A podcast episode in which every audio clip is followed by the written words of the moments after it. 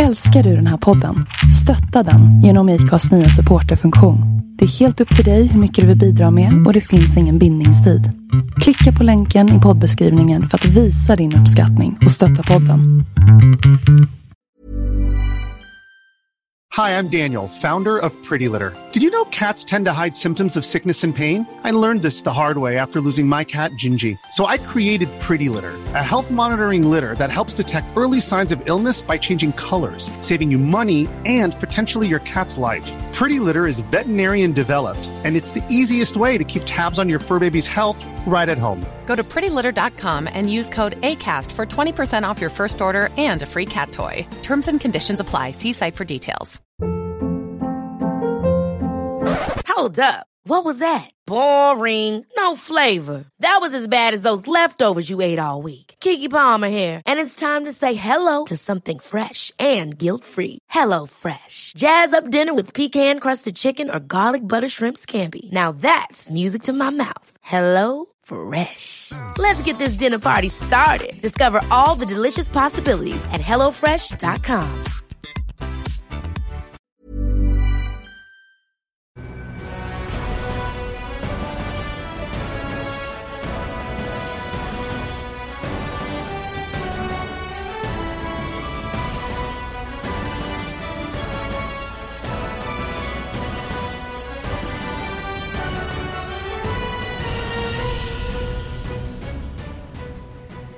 Välkomna till ännu en eh, MotoGP-podd med eh, Lion och Mårtensson. Nu står vi här igen Andreas.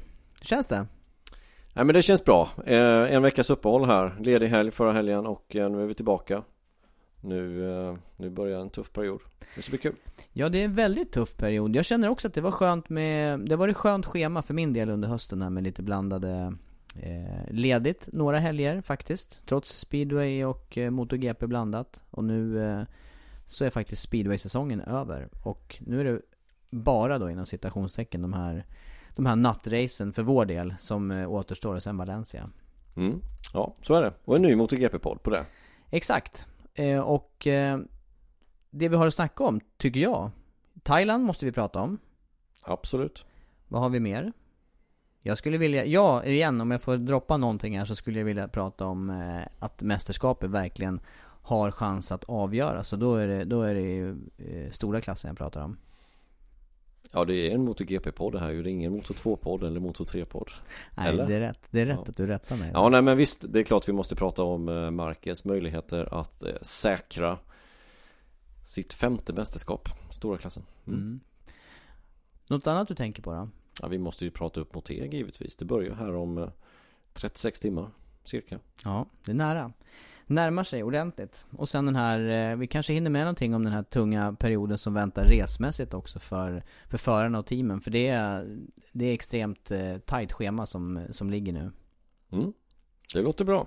Är det bra? Ja, jag tycker det. Har vi satt agendan? Ja, hur är läget?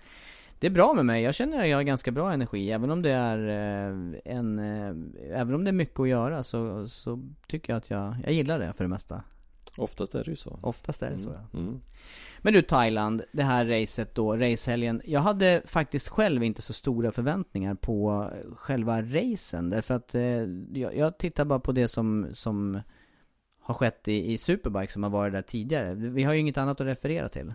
Nej, jag kände likadant. Jag kände varför, redan när den kom på kalendern, vad ska vi där och göra? Ungefär så tänkte jag, för det är bara lite raksträckor, någon hård inbromsning och sen Sen är det inte så mycket mer av den där banan, så jag var ganska Inom mig själv liksom lite kritisk till varför ska vi köra där för? Det kändes bara ganska onödigt eh, Men jag blev väldigt positivt överraskad både från kvalen och tre riktigt bra race dessutom Mm. Ja, jag gillar ju den här racedagen. Den, den gick ju fantastiskt fort med, med bra race i alla klasser och inte minst då i MotoGP.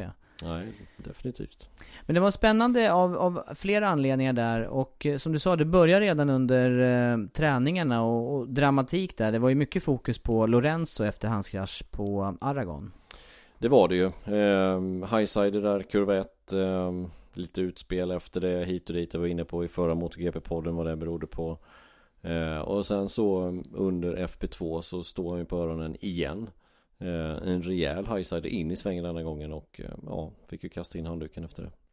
uppenbart något eh, tekniskt problem på, på cykeln som orsakar den kraschen? Ja, Eller, eller går den att förklara på något Ja, annat sätt? Nej, ne- alltså nå- något problem var det ju i och med att bakhjulet låste sig helt enkelt Men att det var uppenbart eh, Ja, men Att efter, det var något tekniskt problem det, det vet jag inte riktigt när man såg det första gången sådär men... nej, jag menar, nej jag menade mer att eh, på uttalanden efteråt så Ja, förstod visst. man ju att det Jo, var så Någonting var det, men, men frågan är Vad var det för någonting? Det, ja, i och med att de inte gått ut med det 100% och sagt vad det är för någonting Utan sagt att det bara eh, Det pågår inspektioner och utredningar Så känns det som att det var något väldigt, väldigt simpelt Vad tänker du själv då? Nej, jag tänker mig Någonting, eh, jag, jag har sett den här många gånger efteråt och vad kan detta bero på liksom? Och eh, ja, skulle, jag, skulle jag satsa på någonting så är det någonting med bakbromsen som inte lirar. För mycket bromsvätska i systemet kanske. Eh, Dessutom är det ju tumbroms på de här cyklarna. Eller speciellt då på Ducati-cyklarna Lorenzo och Dovizioso. Att det är någonting där helt enkelt som Som har fallerat eh, Och gjort, gjort detta.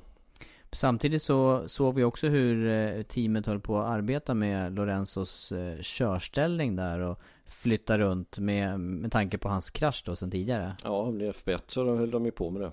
Eh, och flytta fotpinnar och sådana saker. Och, ja, det, det är väl det som jag skulle kunna gissa på helt enkelt.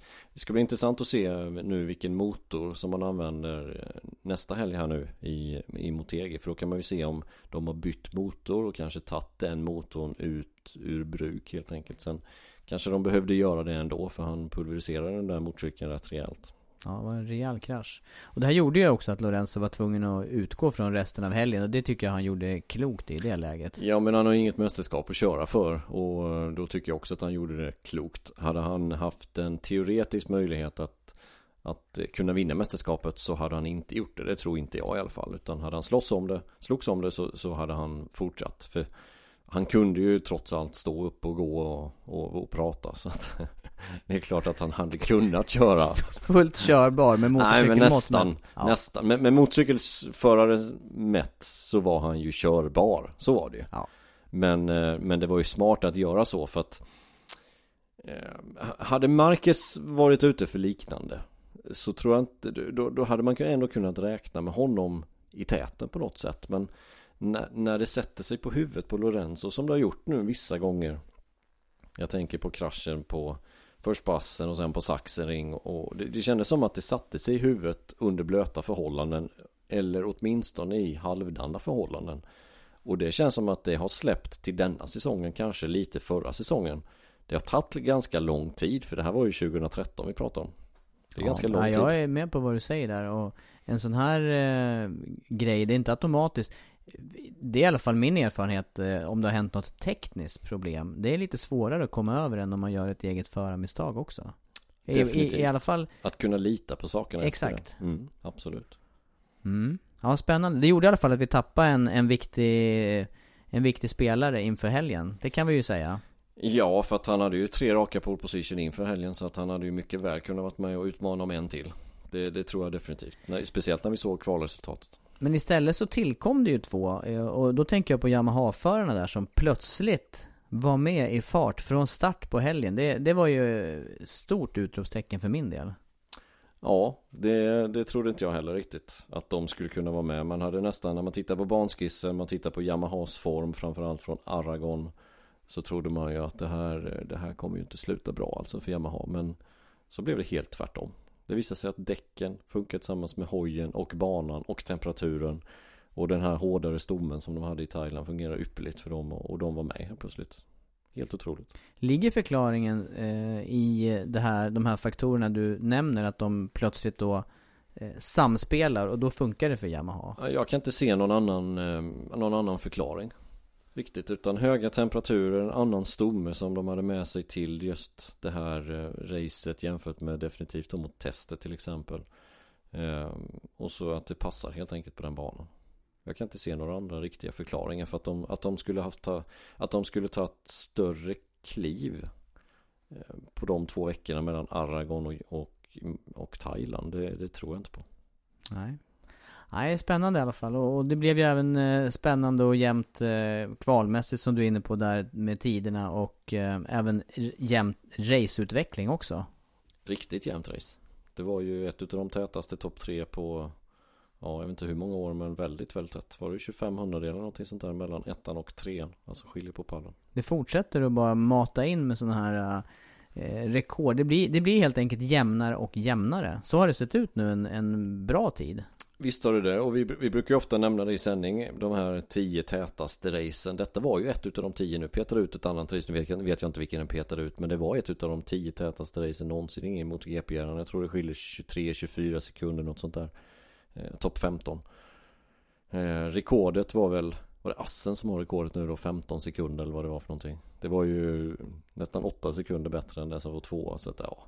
Nej men det, det är ju sådana här rekord hela tiden Mm. i, i MotoGP-klassen just nu Det är helt fantastiskt att kunna få följa den här serien så nära som vi ändå gör Ja, Ja, jag håller helt med dig där. Men det som, vad är det som fastnar på, på näthinnan för dig då under, om man, om man tittar på, på själva loppet? Nej men eh, jag tycker både Dovizioso och Marquez planerade racet hyfsat Inte super och då tänker jag framförallt på det, det som fastnar Det är Vad kunde Dovizioso gjort annorlunda? Det fastnar hos mig. Eh, Och Enligt vad jag tycker, det sa vi även i sändningen Att ut ur kurva 6 eller in i kurva Han blev omkörd på sista varvet Dovizioso in i kurva 5 av Marquez. Han försökte kontra in i kurva 6 Men fick inte tillräckligt med driv där på insidan Så att han kunde få med sig farten för att kunna attackera tillbaka. Där tappade han segern. För att hade han inte gjort den attacken på insidan Så hade han, så hade han legat betydligt närmre Marquez in i sista svängen. Och då hade han kunnat bromsa lite Lite Mer- mer tidigare. ja, Ja. lite tidigare kunde han ha bromsat För då hade han inte behövt ta igen den här luckan innan eh, Innan svängen helt enkelt. Och då tror jag han hade vunnit. Så det gjorde han ett misstag där Så mer att eh, Dovizioso förlorar racet än att Marquez vann det, om man nu bara tittar på de två, eller?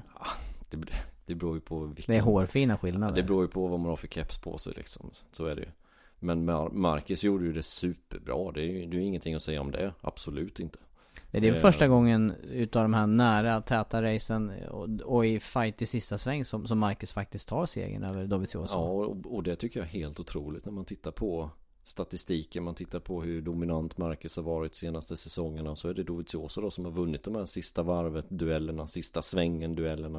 Det har ju varit tre stycken nu Som han har förlorat. Mm. eh, Och nu så tog han då Nu står det 3-1 i den statistiken då. Ja, det var en fantastisk avslutning på racet där. Och sen var det ju Det var ju Alltså Man, man glömmer nästan av Yamaha där bakom. Eh, Vinales som sagt 25 hundradelar efter. Han, han det, det är inte långt Nej, och Rossi som höll på att sitta som ett frimärke i bakhjulet ja, där också. det var grymt nära var Ja, det var väldigt nära. vad- När man såg reprisen allting, Allt fokus var ju på de två framför men Men det var nära att han tog med sig Vinales ut där Det hade inte varit bra Nej, inte efter det. Inte efter det racet där, som båda. Och Rossi var ju uppe och drog i täten också en period. Ja det var han, det var han, det var han. Men, men eh, när man tittar på kommentarerna efteråt sådär så var det, det då var det Tyckte både Dovizioso och Marcus det är svårt att ligga bakom någon För att framdäcket blev överhettat Det sa de när de fick åka den här lilla golfbilen då på spanska eller italienska eller vad de pratade för någonting Men när översättningen kom, jag kan tyvärr inte de språken, jag behöver lära mig Vi skulle ju lära Ja, oss det det, var där är ju inte en så? målsättning för oss. Nu blir jag ju påmind igen. Jag har Ja, tänkt jag på det också. någon gång under säsongen. Vi skulle ju lära oss ett av språken var, var det inte Ja, så? du slutar spanskan och jag italienskan, var det inte så? Jo, det är sant. Ehm, när ska Det vi göra dåligt. det här? Det går dåligt just nu. Jag håller ju på med mitt MC-kort, det räcker ju Ja, det är du duktig med. Men eh, du får väl eh, kolla om det finns teori då på italienska. Ja, Så du kan passa på att lära dig några ord. Nej men det skulle vara bra om vi kunde det. Men eh, det gillar, jag gillar också det. Det är också någonting som jag tycker eh, fastnar på min näthinna. Den här eh, schystheten i racingen ändå, dem emellan. Det var ju tätt, extremt tätt hela loppet där och många tajta omkörningar på det här partiet som du beskriver där. Från kurva 5 och ner till slutet till kurva 12 till sista sväng på, Mm. på banan. Och, och ändå sitter de där några minuter efter racet och, och, och snackar som Ja men jag tycker om det. Ja, tycker jag gillar också det. Ja, jag gillar det. Det är, Jag jätte, gillar det är jätteskönt, för då har, det, det är ungefär som eh, man vill att en, en boxningsmatch ska sluta liksom. Man, man ska krama om varandra och vara nöjd. Inte riktigt som det här vi hade parallellt med, med vår sändning senast. Vadå, var jag inblandad i det? Jag tänkte på den här MMA-matchen, eller var det MMA? McGregor. Ja, exakt. Ja, visst. Ja, vi hade ju i kommentatorsboxen eh, precis jämte oss, det var Mm. ju kommentatorerna för den matchen Höll på att gå upp i limningen under tiden där. Nurmagomedov tror jag han heter. Ja. Ja. och eh, McGregor. De satt jämte, de, de skrek så mycket så jag var tvungen att sätta på via play för att titta vad de skrek åt. Så jag hade det lite parallellt där med eh, Ja. våran sändning. Ja, det var, det var ju mindre fin, eh, fint avslut på det. Än, Ja, i, jämförelse, ingen- I jämförelse så Ja. är det ju natt och dag. Ja, det var ju annorlunda avslutning. Ja, visst. Ja, jag tycker det. Så var det. Nej men eh, summa summarum, helgen, racehelgen i Thailand. eh, För mig, mycket över förväntan, raceutveckling och sen de här grejerna då med schysst racing och eh, att, ja, att, att det är så tätt. Jag är helt fascinerad av det här fortfarande, Mm. efter alla år. Ja. Vi har fått in en tittarfråga där förresten. Var var du under FP2 någonstans? FP2, Ja, när Lorenzo kraschar och blir rödflagg. Du var inte på plats då, eller hur var det? nej jag var ju inte det. Det var ju, eh, det, nu måste jag tänka efter här. Hade jag laga förfall? Kan jag, kan jag vara ärlig i det här? Eh, det var ju eh, sjukhusbesök, visst var det så? Ja, så var det. Så det var, det var ett sjukhusbesök som var inplanerat. Det gick inte att göra på något annat sätt där. Ja, det är Du en fick av... lämna det åt mig, helt Mm. enkelt. Ja, Ja, du skötte det där säkert. nej, det var en tidig morgonsändning. Få tittare. Men en av dem har hört av sig. Ja. Boendes i... Skogås. Jaha. ja, det är bra. Ja, men vad kul. Det... Ska vi lämna Thailand?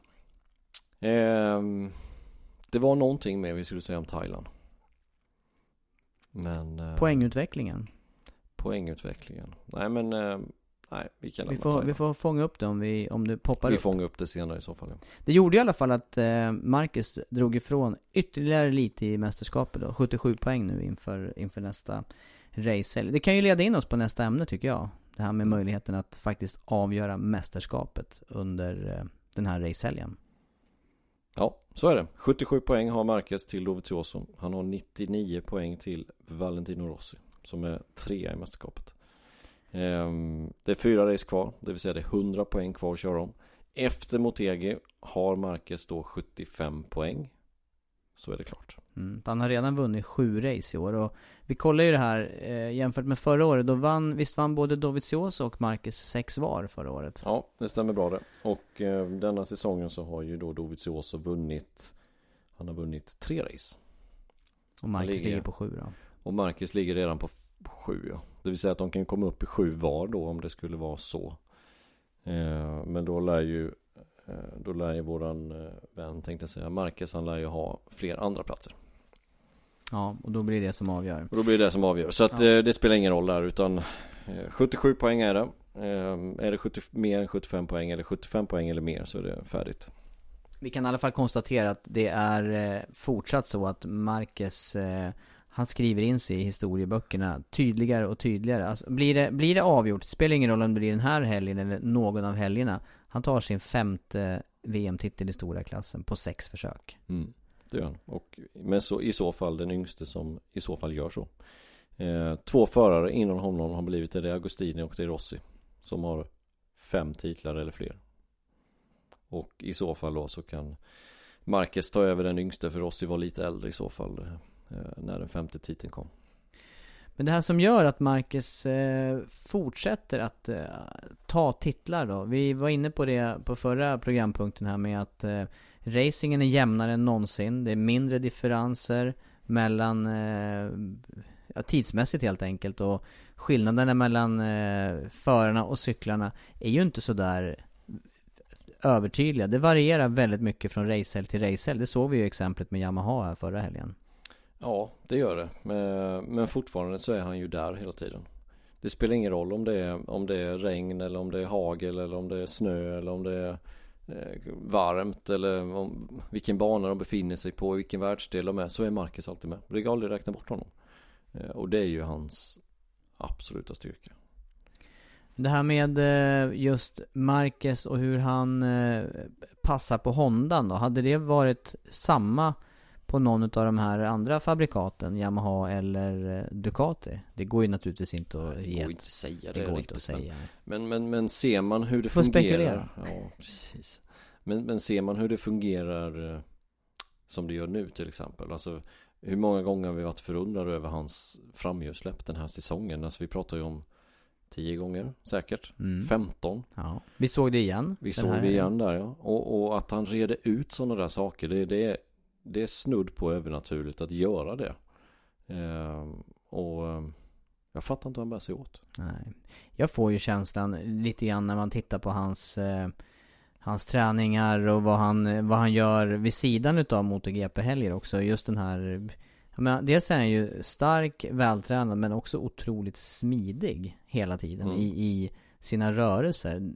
Någonstans där tänker jag att eh, nyckeln till det här med att Ja, du har ju alltid Innan- varit mycket före med truppgymnastik och grejer så det kanske Kanske inte jag personligen men ja, jo, nu mer och mer, mer och mer Så det- gymnastikintresse, så det kan jag nog säga. Det är där det handlar om kanske. Ja, det kanske är det. Nej men han är ju smidig, han är, eh, han är grymt, grymt bra. Han är, eh, han är lite bättre än alla de andra. Sen kan de andra utmana honom vissa race Men, men eh, han är lite bättre Vi ser ju det tydligt, ett sånt här race som Argentina, det fick han ju inte mycket pluspoäng för men Den typen Nej. av underlag Men, men är han ju totalt överlägsen på. Ja det är han ju. Men, men hade han inte gjort den där incidenten med, med, Rossi där Framförallt den med Rossi Så hade han alltså Han hade alltså avverkat en ride through Och kört om både Rossi och Vinales. Ja. Nej men det, det räcker med att säga den grejen bara. Ja. Och han skulle, han skulle kunna vunnit det racet. Med lite mer kyla kanske Ja även mer... fast ride through alltså. Ja, mm. ja, För han fick släppa av en gång också. Han fick ju en bestraffning efter Var det inte efter Alicia Sparger? Han fick droppa en position. Just det. Stämmer. Tappade 5-6 sekunder på det eller något liknande när han behövde slå av. Ja. Hade han varit lite kyligare så hade nästan hade kunnat vunnit det racet också. Men det är ju inte- det är ändå inte bara det här med, med förarens kvalitet. Det är ju det är ju väldigt många faktorer runt omkring också som ska lira för att det ska bli Ja. mästerskapstitlar. Jo absolut. Alltså det är ju tillfällighet alltihopa. Säg, säg bara en sån liten tillfällighet att Stoner inte hade valt att lägga av Och lägga hjälmen på hyllan. Eh, Vid den unga åldern som han ändå gjorde. Det var ju ändå lite drastiskt beslut där 2012 att när han presenterade den här idén att han skulle, eller han offentliggjorde att han skulle lägga av i Le Mans var det väl som han offentliggjorde det? Ja det var ju jättetidigt och det gör ju också att det blev tid att planera för någon Ja exakt, ersättare. men, men säg att han inte hade gjort det. Då hade inte Marcus kommit in i Repsol Honda. Och då hade han fått jobba ungefär som kanske Morbidelli gör idag. Och vem vet vad det hade slutat? Nej. Nej det Man, det man en... såg ju då också givetvis att Marcus var någonting utöver det vanliga För sista racet i Moto 2 där den säsongen så Ja han körde ner, vem var det? Corsi på träningen eller något liknande Startade sist i regnet och så vann han racet och så var det hej då för Moto 2 liksom Så att det är klart att Man såg att det var något speciellt med honom Hela den säsongen innan han kom in i MotoGP, givetvis Men fortfarande så, så måste det finnas en plats för honom också Mm. Ja det är mm, intressant, eh, intressant karriär och intressant också och eh, det är också någonting som slår mig med hans, eh, med hans inställning till hela eh, Hela paketet. Han gillar ju, vad det ser ut som i alla fall, fortfarande det här med att eh, möta fans, möta media. Fortfarande, i, i princip alltid positiv till det som händer runt de här racehelgerna som vi ser. Ja, jag tycker också det. Det är sällan några ledsamma miner runt honom faktiskt. Ehm, jag tycker även att han har mognat senaste åren lite. Jag tror att den incidenten där för tre år sedan med Rossi, jag tror att det fick honom att tänka till lite. Ehm, och mogna personligen av den händelsen. För, för som det är nu så eh, han- tar inte saker speciellt allvarligt längre på sådana saker heller. Jag tänker på det här när de skulle skaka hand där, när det var någon journalist som egentligen ville tvinga dem att skaka hand och Nej du ser där Rossi vill inte skaka hand med mig men jag är lika glad för det och jag kommer köra likadant ändå Ja, det är han, han, han bryr sig mindre så att säga om yttre saker än vad han kanske gjorde den säsongen 2015. Jo men det var ju så intressant också när, när eh, Marcus kom in i mästerskapet. Rossi hyllade ju honom från början där och var glad över egentligen att, att ha någon motståndare som ja, kunde utmana på allvar och hela tiden där och, och sen eh, så, ja, så gick det som det gick med deras eh, ja, den racevänskap. Den gick åt pipan. Den gick åt pipan ja. Men eh, annat då som, som gör att eh, Marcus nu står inför eh, en möjlig eh, femte titel i stora klassen. Ja men hela paketet. Ja. Hela paketet. Eh, Sjukt duktig förare. Jättebra team. Eh, kanske inte den bästa cykeln den här säsongen. Kanske inte. Eh, men eh, en förare istället som trivs med den cykeln och har och den paketet vet allting utan och innan. Hans team verkar ju funka hur bra som helst. Alltså med Santi Nandes i, i täten där. Mm. Ehm, och kan ge honom en cykel som han vill ha. Ja, en grej till som jag tänker på också. Det är ju den här förmågan att trots, och, och toppa kraschstatistiken och samtidigt vara världsmästare. Han kraschar vid rätt tillfällen och han kraschar när egentligen... Han har ju faktiskt också haft en väldigt eh, eh, god förmåga att hålla sig hyfsat hel efter krascherna. Mm. Trots, det är ju också trots för några att han- riktigt hårda krascher. Jo, det hade han första året. Andra året kanske han hade någon hård också. Men, men annars är ju de här framhjulssläppen. Eh, och det är ju det som är hans unika. Alltså om man ska peka ut någonting körmässigt där han är lite bättre än de andra. Så är det in i svängen på broms. Och det ser vi i och med att han har den känslan att kunna sätta ner armbågen och trycka upp cykeln. För att kunna göra det så måste man märka att det släpper innan någonting händer. För när det väl släpper så är det för sent. Och, och den hittar han lite tidigare än alla andra och hinner reagera och göra någonting åt det. Och den känslan, den är han lite bättre på än de andra. Och men, han klev ju över den gränsen också. Men det, det är ganska naturligt när man ligger på den gränsen han gör. Mm, ja. Det får bli slutkläm på, på det här med eh, Marcus möjligheter att bli Tar världsmästare. han sin femte titeln i Japan. På Hondas hemmaplan. Honda äger Twin Rin Motegi. Ja, vi har ju eh, båda, tror jag, eh, minnen från förra racet där ett år sedan när Dovizioso vann. Det var ju en sån där sista, sista kurvan fight i regn dessutom. Ja. Eh, då, då var jag återigen, jag tänkte Ja. vad, vad finns det kvar? Och, det, det var ju ett otroligt jämnt race. Ja, I de förhållanden som var. Det, det, det, det hällregnade och rann hade racet. Marcus hade racet i sin lilla hand Sista varvet, han var lite starkare Men gjorde ett misstag i kurva 8 Ja, det är frågan om hur mycket värt det är. Eh, Vi vet ju också med, med facit i hand från flera andra säsonger där att det, det är inte helt per automatik att bara knyta ihop säcken. Om man nu har siktat in sig på att göra det på ett speciellt ställe. Han Nej. har ju trots allt, eh, han har ju trots allt fyra racehelger på sig. Eh, För mig är det igen en sån här 50-50 chans. Det blir nästan en gissning. Ja, och jag, jag är inte säker. Jag hoppas inte att han gör det. Jag skulle vilja ha liv i mästerskapet lite till. Det är väl mer drömgissning då, då? Drömchansning. ja, ja. Nej men jag tror faktiskt att Dovizioso kan, eh, kan också Han kan vinna den här helgen, definitivt. Eh, Vi kommer komma in till Motegi varför han kommer vinna men, Eller varför han kan vinna. Men eh, Motegi passar Dovizioso Så att jag är också lite tveksam till att Marcus reder ut det. För det är också där man ska knyta den sista knuten ihop På den här säcken. Det borde inte vara några problem. Han har den erfarenheten nu. Han har fyra titlar. Han höll på att göra bort sig, var det första året. När han, eh, jag kommer inte ihåg vad som hände riktigt där men, men åtminstone i Var det i Motegi eller var det då han gjorde bort sig i... ja, var det fick, det här Han fick ju cykel... svart flagg på Phillip Island. Ja just det, det räknar ju Ja. teamet fel. Ja exakt. Och sen så kastade han väl sig någon gång också då. Så Ja, det det gjorde avgjordes ju till slut i Valencia då. Mm. Lorenzo kunde utmana till slut. Det lärde han sig väldigt mycket av tror jag. Ehm, Så att jag, jag, tror inte att det det kommer vara det utan han kommer köra sitt Sitt race helt enkelt Men frågan är om det räcker Jag är faktiskt lite tveksam Jag, jag tror Mm. är att han är säkrare Du är men mer eh, tveksam än... Ja, jag- jag lutar åt 50-50 där. Ja, ska, ska jag tippa en pall så, så tror jag faktiskt att Dovi kan vinna Och jag tror Lorenzo kan också blandas i faktiskt Trots det här med ja, skador och... Ja, man inte skadar då kan det beror, det, Vi får väl se vilken kondition han är i men, Mm. men båda duckcyklarna tror jag på Ja. Spännande. Ja, vi, vi får se. Den som följer oss här under helgen får ju naturligtvis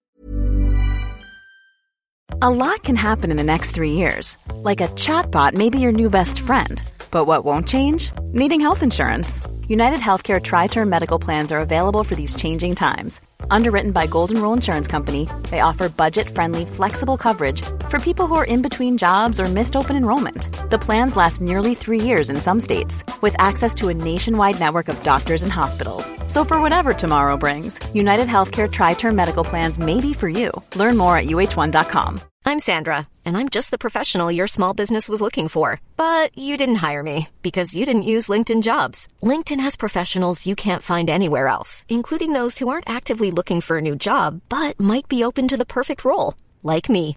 In a given month, over 70% of LinkedIn users don't visit other leading job sites. So if you're not looking on LinkedIn, you'll miss out on great candidates like Sandra. Start hiring professionals like a professional. Post your free job on linkedin.com/achieve slash achieve today. Hold up. What was that? Boring. No flavor. That was as bad as those leftovers you ate all week. Kiki Palmer here, and it's time to say hello to something fresh and guilt-free. Hello Fresh. Jazz up dinner with pecan-crusted chicken or garlic butter shrimp scampi. Now that's music to my mouth. Hello Fresh. Let's get this dinner party started. Discover all the delicious possibilities at hellofresh.com. se. Men det är alltså fyra racehelger som återstår och om vi ska skifta ämne då till något som jag skulle vilja ta upp också. Det är det här med det som, eh, det som hela eh, depån står inför med start nu. Det är alltså tre raka racehelger med extremt långa race, eller förlåt, eh, eller extremt långa restider, flygtider mellan. Ja, så är det. Det är tre raka race i Asien. Eller fyra är det ju, för Thailand var ju för, för ja, knappt två veckor sedan. Så visst är det så. Det är Japan först. Sen är det en kort flygning till eh, Australien på så sådär tio timmar eller något liknande. Går det att jämföra det med andra flygtider runt om i världen? Ja, men tio timmar är rätt rejält. Man kommer ju, man kommer ju från eh, kommer till väst- Sverige till Japan. Ja, och nästan till västkusten i USA. Ja. Ehm, så det är klart att det är en lång flygning från Japan ner till Australien eller till Melbourne. Och sen så är det en ganska lång bilfärd från Melbourne ut till Phillip Island. Ehm, och sen så veckan efter så är det ju dags för eh, Malaysia, Kuala Lumpur igen. Sepang. Och tittar man på som det har varit de senaste åren så är det dessutom eh, helger där, där vädret har varit väldigt, väldigt olika från, Mm. från plats till plats. Visst är det så. Eh, och det är det som gör att det blir så svårt de här tre racen för förarna. Inte bara att man är hemifrån i tre veckor och med allt som det innebär utan just också att det skiftar i årstider nästan. Kommer ni till Phillip Island så kan det ju vara extremt både varmt och kallt. Tidig vår där är det ju nu. Blåsigt, regnigt. Ja, ja, Ja. exakt. Ibland har det varit 10 grader förra året. Nej, inte förra året. För två år sedan var det väl. Det var väl det året som Nicky Hayden fick, fick hoppa in för Repsol Honda, var det inte så? Jo, stämmer. Då var det ju, då fick han ju en bra chans där tyckte man ju Nicky Hayden. Men så var ju vädret helt kass. I alla tre dagar egentligen. Ja, det var det. Och så blev han avsatt Avsatt dessutom ja. av Miller va? Ja, så kan det vara. Jag tror att det Det var var en annan Honda-förare. Ja. Det var nog Jack Miller, stämmer nog det ja. För han, eh, ja det stämmer det. Mm. Han Ja, men- ville ju ha den där styrningen. ja. Han körde ju Honda då, Jack Ja. Han ville ju ha den där men det blev inte så. Det blev Nicky Hayden istället. Mm. Men, men vad, vad jag har tänkt på i alla fall efter de här loppen och till säsongsfinalen Det är ju hur slutkörda alla är När det väl är dags för sista helgen för säsongen och Valencia och Då, då är det ju som att man möter ett gäng eh, Jag vet inte vad jag ska jämföra med här Hur är det på testet då på tisdagen efter Valencia? Ja då är det ännu sämre med energi kan jag säga Det är då, ju har det för, varit, då har det varit en prisutdelningsfest också på söndagskvällen och det är tur att de har lagt tester på tisdagen De Eller har ju på- haft det i många år på måndagar Ska jag säga måndag morgon Ja. är festen på Ja, exakt. Men, men måndag morgon har det ju inte varit sån aktivitet på Nej. banan. Det är ingen som hinner dit riktigt. Nej så är det inte Det är omöjligt. Det är även förarna som är på den här festen ska Jo, exakt. Så det är ju, det är klokt att de har faktiskt eh, flyttat den till tisdagen.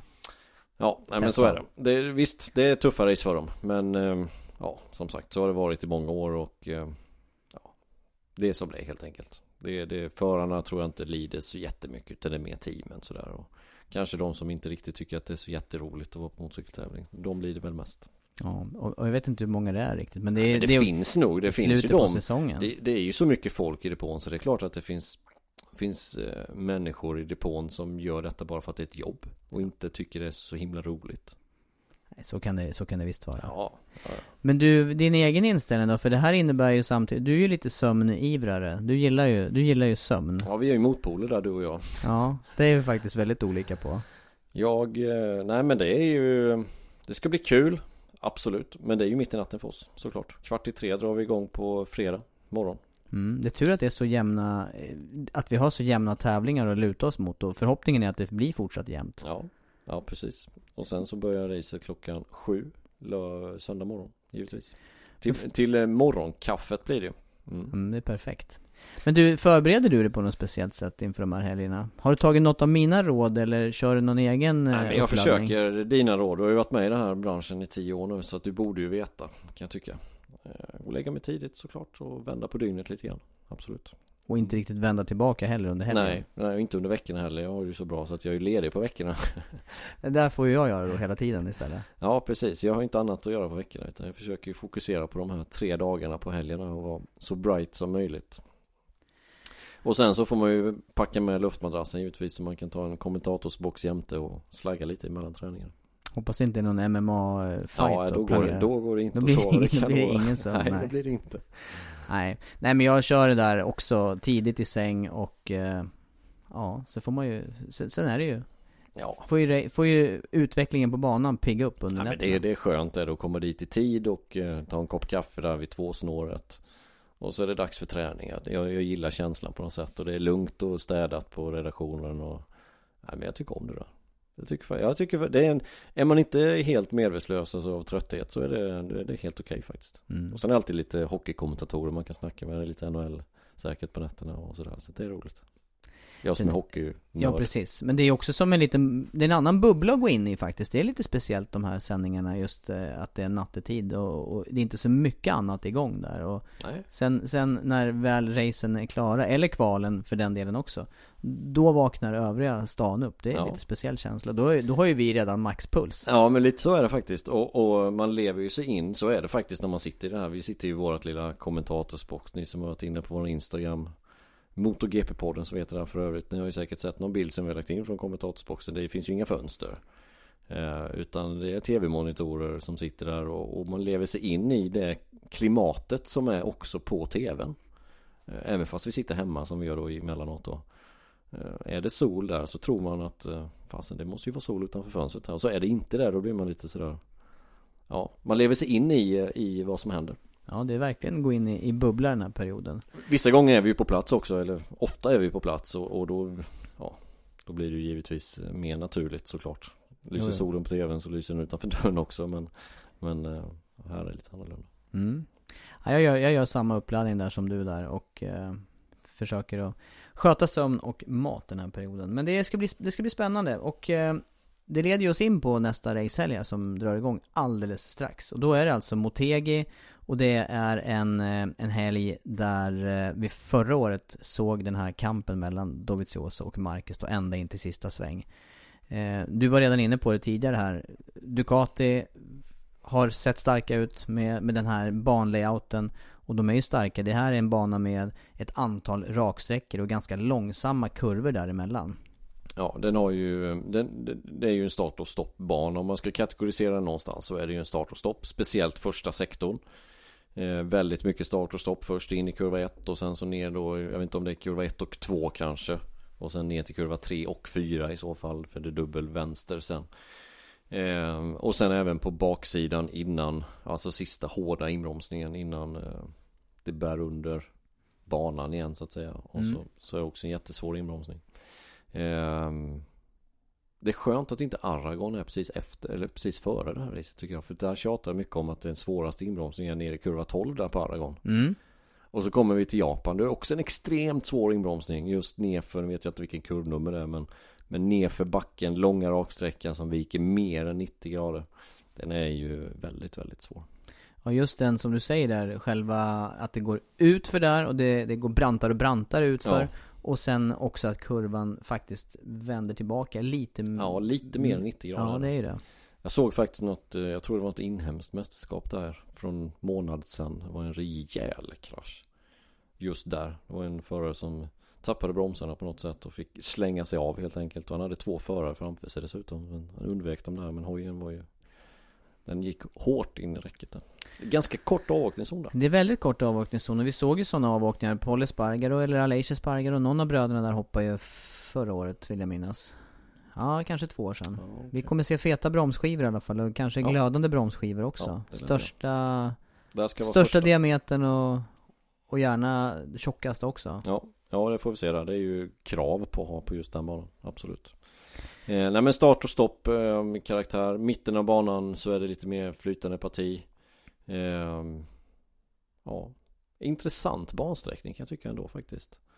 Jag har ju som sagt tyvärr aldrig varit där och inte kört heller. Mer än på Playstation men jag vet inte om det räknas. Ja, till, till viss del. Det har inte jag. Det där är inte mitt gebit alls med, med tv-spel. Så där har du mera, mera kännedom. Men eh, däremot så eh, från sändningarna genom åren så är det ju absolut en bana som kan bjuda på, på spännande race. Och, och dessutom det här med vädret som, som alltid är lite oförutsägbart i, Ja, i det här är. området. Mm, det stämmer, det stämmer. Ja, det är det vi har att se fram emot. Ja, men jag tror att ehm, det kommer återgå till lite normala. Och till normala så menar jag som det var innan Thailand. Eh, då var det de två Ducati-cyklarna med Lorenzo och Dovizioso tillsammans med Marquez. Det var de tre som totalt dominerade den här serien. De sista ja, fyra racen innan Thailand kan man säga. Thailand blev, eh, blev Yamahas återkomst på något sätt medan Lorenzo var borta. Jag tror inte Yamaha kommer vara lika starka i Japan. Men jag tror att Lorenzo är tillbaka. Så jag, jag tror att det kommer att vara tillbaka till det så kallade normala. Och bakom eh, Dovi och Marquez förra året så slutade faktiskt eh, Petrucci på pallen. Det gjorde han, men då var det ju blött också ska vi komma ihåg. Och han är ju bättre skulle jag vilja påstå i blött än i torrt. Eh, eller han har i vilket fall som helst större möjlighet att göra bra resultat i blött än i torrt. Eh, saknar honom lite i år faktiskt. Se, hur då tänker du? Saknar han Nej, lite grann? i resultatlistan. Ja. Jag, jag tycker att Lite för osynlig? Ja, han har ju inte utmanat varken Dovi eller Lorenzo överhuvudtaget egentligen. Nej, och han ska åka fullfabrikare i teamet. Nu har han ju bra material dessutom i år. Ja, och det påstås ju att de liksom förbereder sig för nästkommande säsong och sådär. Men, men eh, som det ser ut nu så är det ju ett nedköp. Så är det. Mm. Vi får se. Ja, vi får se. Något annat du tänker på inför Motegi? Eh, nej, inte direkt. Nej, då kan vi ju... Lorenzo har varit i Thailand här nu sen olyckan egentligen och eh, rehabiliterat sig. Hoppas att han är tillbaka i gammal god form. Eh, Foten borde ju vara betydligt bättre och eh, de skrapsåren som han hade och sådär det borde också vara borta ju. Rimligtvis. Så det borde inte vara några konstigheter. Så att jag tror att vi får se en gammal god Lorenzo.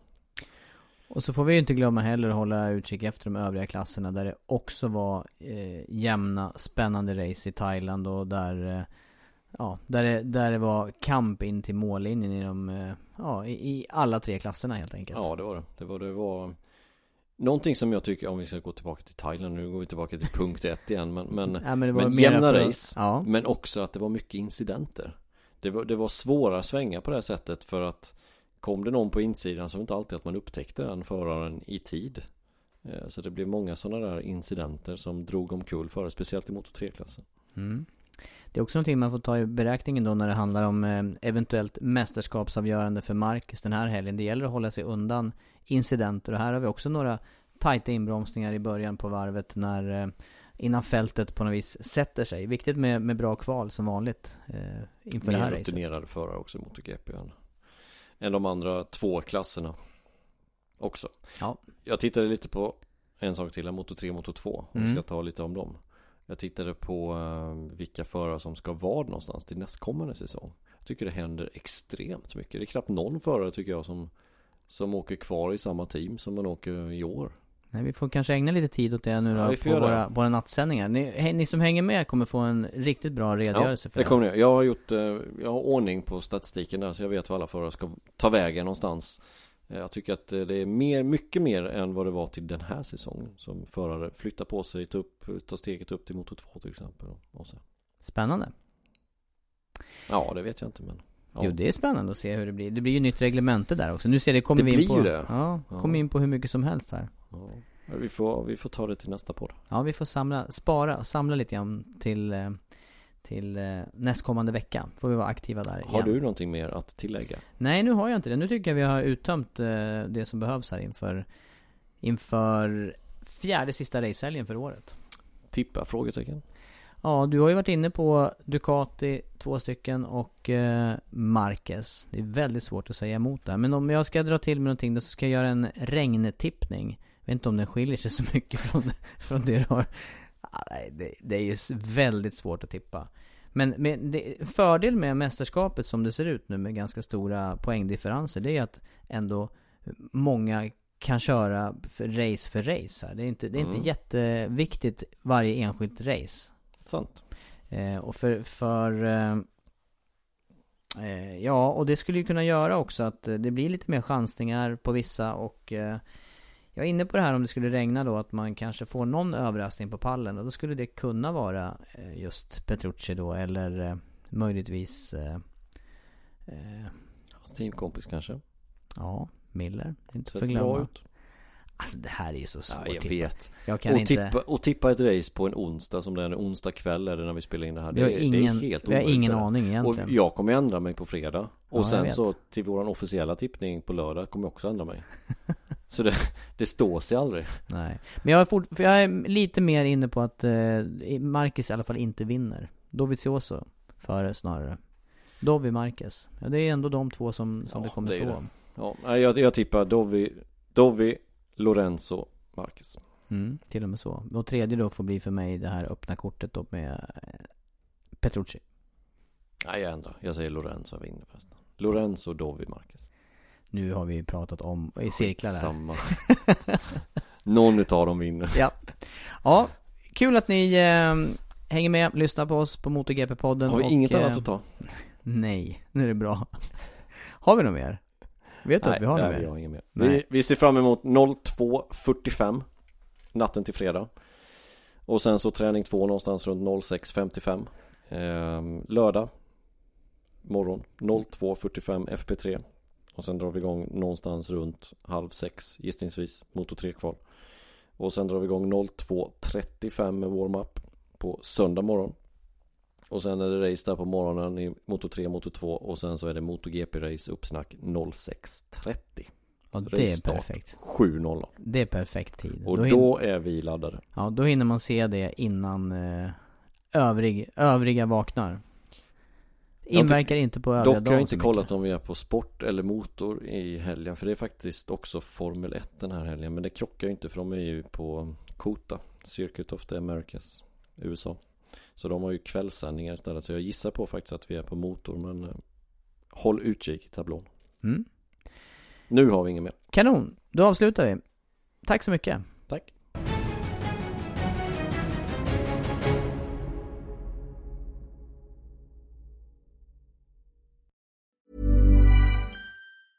Hey, it's Danny Pellegrino from Everything Iconic. Ready to upgrade your style game without blowing your budget? Check out Quince. They've got all the good stuff shirts and polos, activewear, and fine leather goods, all at 50 to 80% less than other high end brands. And the best part? They're all about safe, ethical, and responsible manufacturing. Get that luxury vibe without the luxury price tag. Hit up quince.com slash upgrade for free shipping and 365 day returns on your next order. That's quince.com slash upgrade.